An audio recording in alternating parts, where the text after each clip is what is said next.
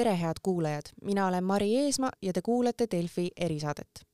täna oleme loonud ühenduse Rus-Delfi ajakirjaniku Roman Starapopoviga, kes viibib praegu koos meie fotograaf Rauno Volmariga Ida-Ukrainas ehk siis äh, üsna rindejoone ligidal. mis olukord seal valitseb, saab Roman meile kohe ise rääkida. tervist, Roman!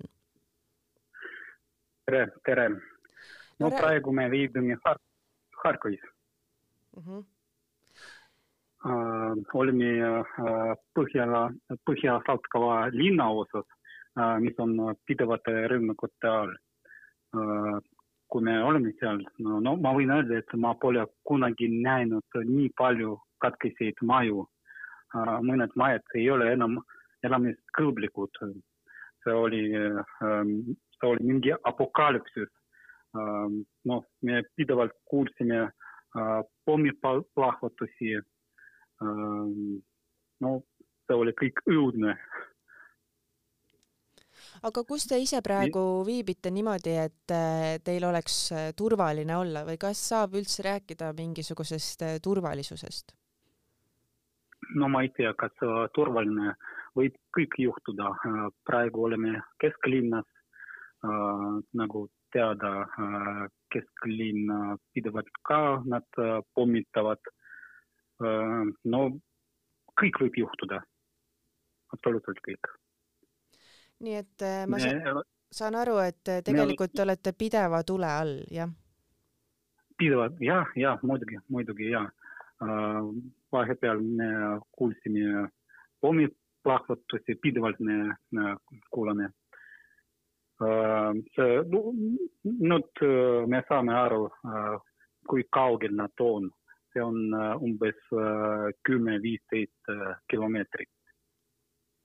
no see on ikka päris lähedal, kas sa ise hirmu ei tunne? no siin ma tunnen teistmoodi, kui ma olin Eestis. no hirmu oli rohkem, siin sa noh, mõistad see reaalsust teistmoodi. kui kuulad pommiplahvatusi, no okei okay,, pommiplahvatus mm. niimoodi. aga kuidas on kohalike elanike selline meelsus, kas on tunda mingisugust paanikat, hirmu, kas inimesed proovivad linnast massiliselt põgeneda? Ei, ei, siin on, siin jätsid inimesed, kes ei taha põgeneda, rääkisime kohalikuga. no nad ütlesid, et nad jäävad siin lõpuni, see on printsipiaalne asi sa rääkisid enne seda, kui me saatega alustasime ühest seigast, kui seda üldse on paslik seigaks nimetada, Eh, kuidas te saite ukrainlastega minna ühele operatsioonile kaasa, kas sa saaksid palun meie kuulajatele ka selle loo uuesti rääkida? muidugi. Ähm, eile olime erioperatsioonil. Ukraina relvajõudude kaitseväed said teada, et olemas sihtmärk.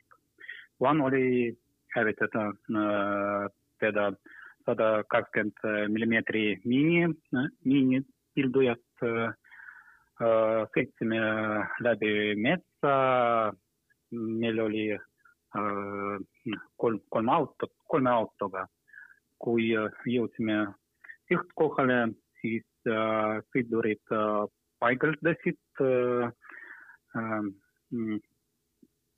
see relv või ja kui nad vaatasid ah,, ja meil oli droon ukrainlastel oli droon, siis oli kõik, absoluutselt kõik näha, oli absoluutselt kaasaegne tehnika ja selgus, et selgus, et sihtmärk on kadunud.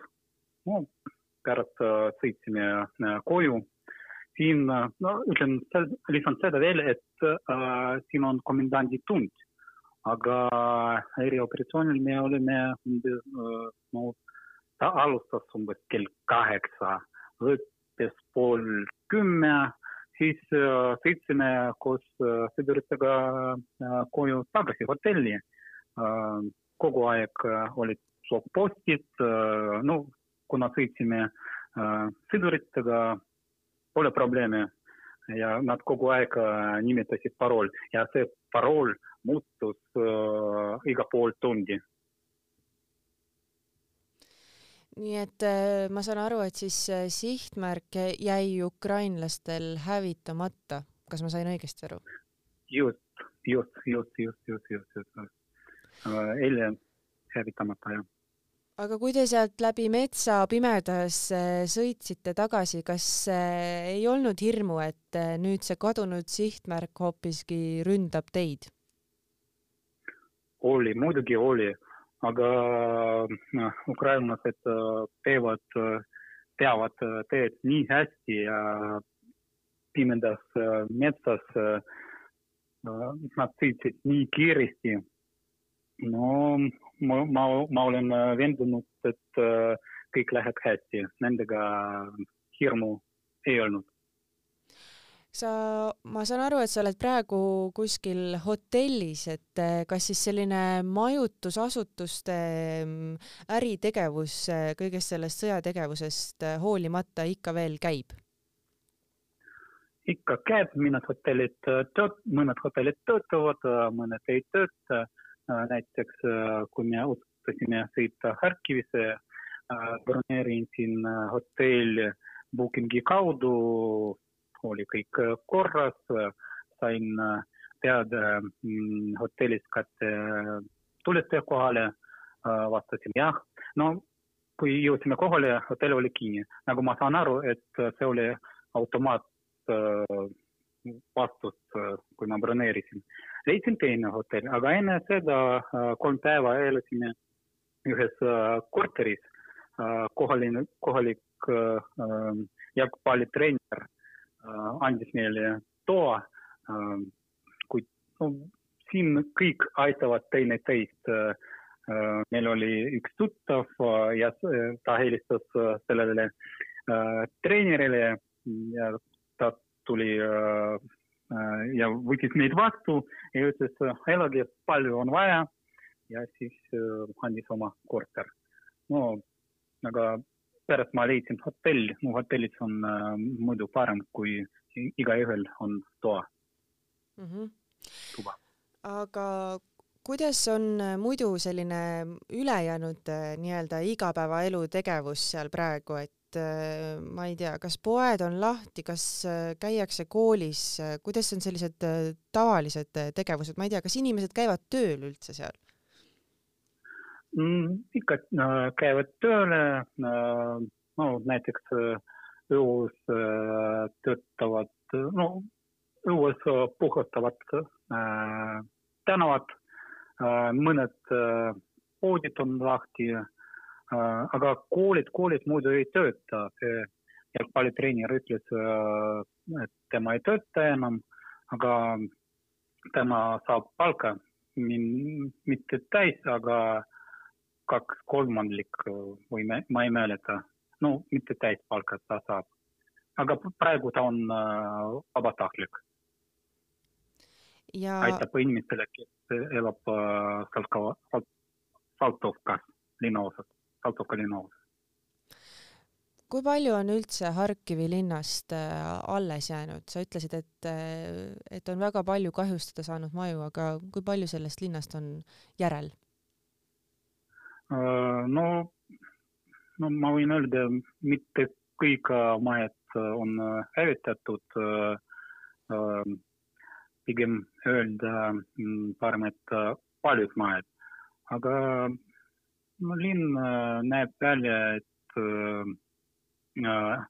kesklinn, kesklinn, kesklinn praegu on noh, enam-vähem on terve no,. kas saab öelda, ma niimoodi, ma ei tea no elu käib.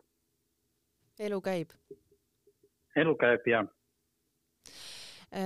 Kui rääkida veel elust, mis seal veel on, siis äh, ma saan aru, et sa oled tegelikult näinud ka Lääne-Ukrainat, et kas sa oskaksid võrrelda, kuidas elu, erineb praegu elu Lääne-Ukrainas võrreldes sellega, mis toimub ida pool?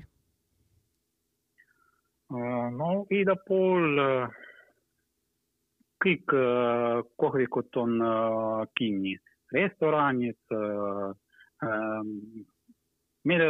meelelahutuskohad, aga näiteks Lvivis kõik töötab, Lvivis, no Lääne-Ukrainas, me oleme mitte Lvivis, Lvivi oblastis oleme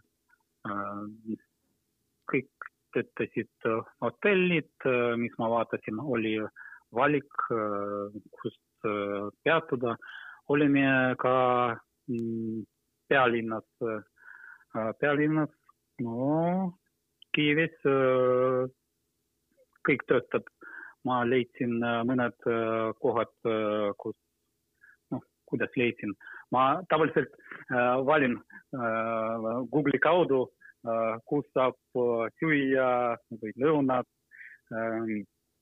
no Kiivis, Kiivis normaalne elu, elu mm. -hmm. näiteks Kiivis palju, no, no tänavatel on noored ah,, tõukerattad, poolt tõukerattad töötavad, aga siin Harkivis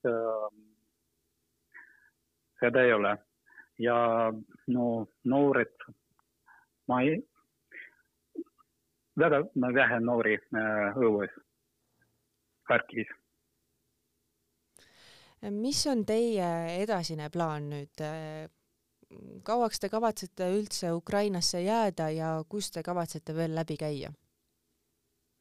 no homme plaanime äh, sõita tagasi Kiievisse aga edasi mõtleme veel, ma, võib-olla ma jään siin ja teen edasi tööd, Rauno tahab koju ja meil ka on üks vabatahtlik Eestis ka.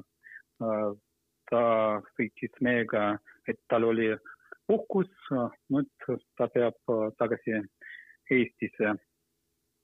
no otsustame homme mis edasised, edasised plaanid. tegelikult, tegelikult tahaks sõita ka Odessasse, vaadata, mis seal toimub.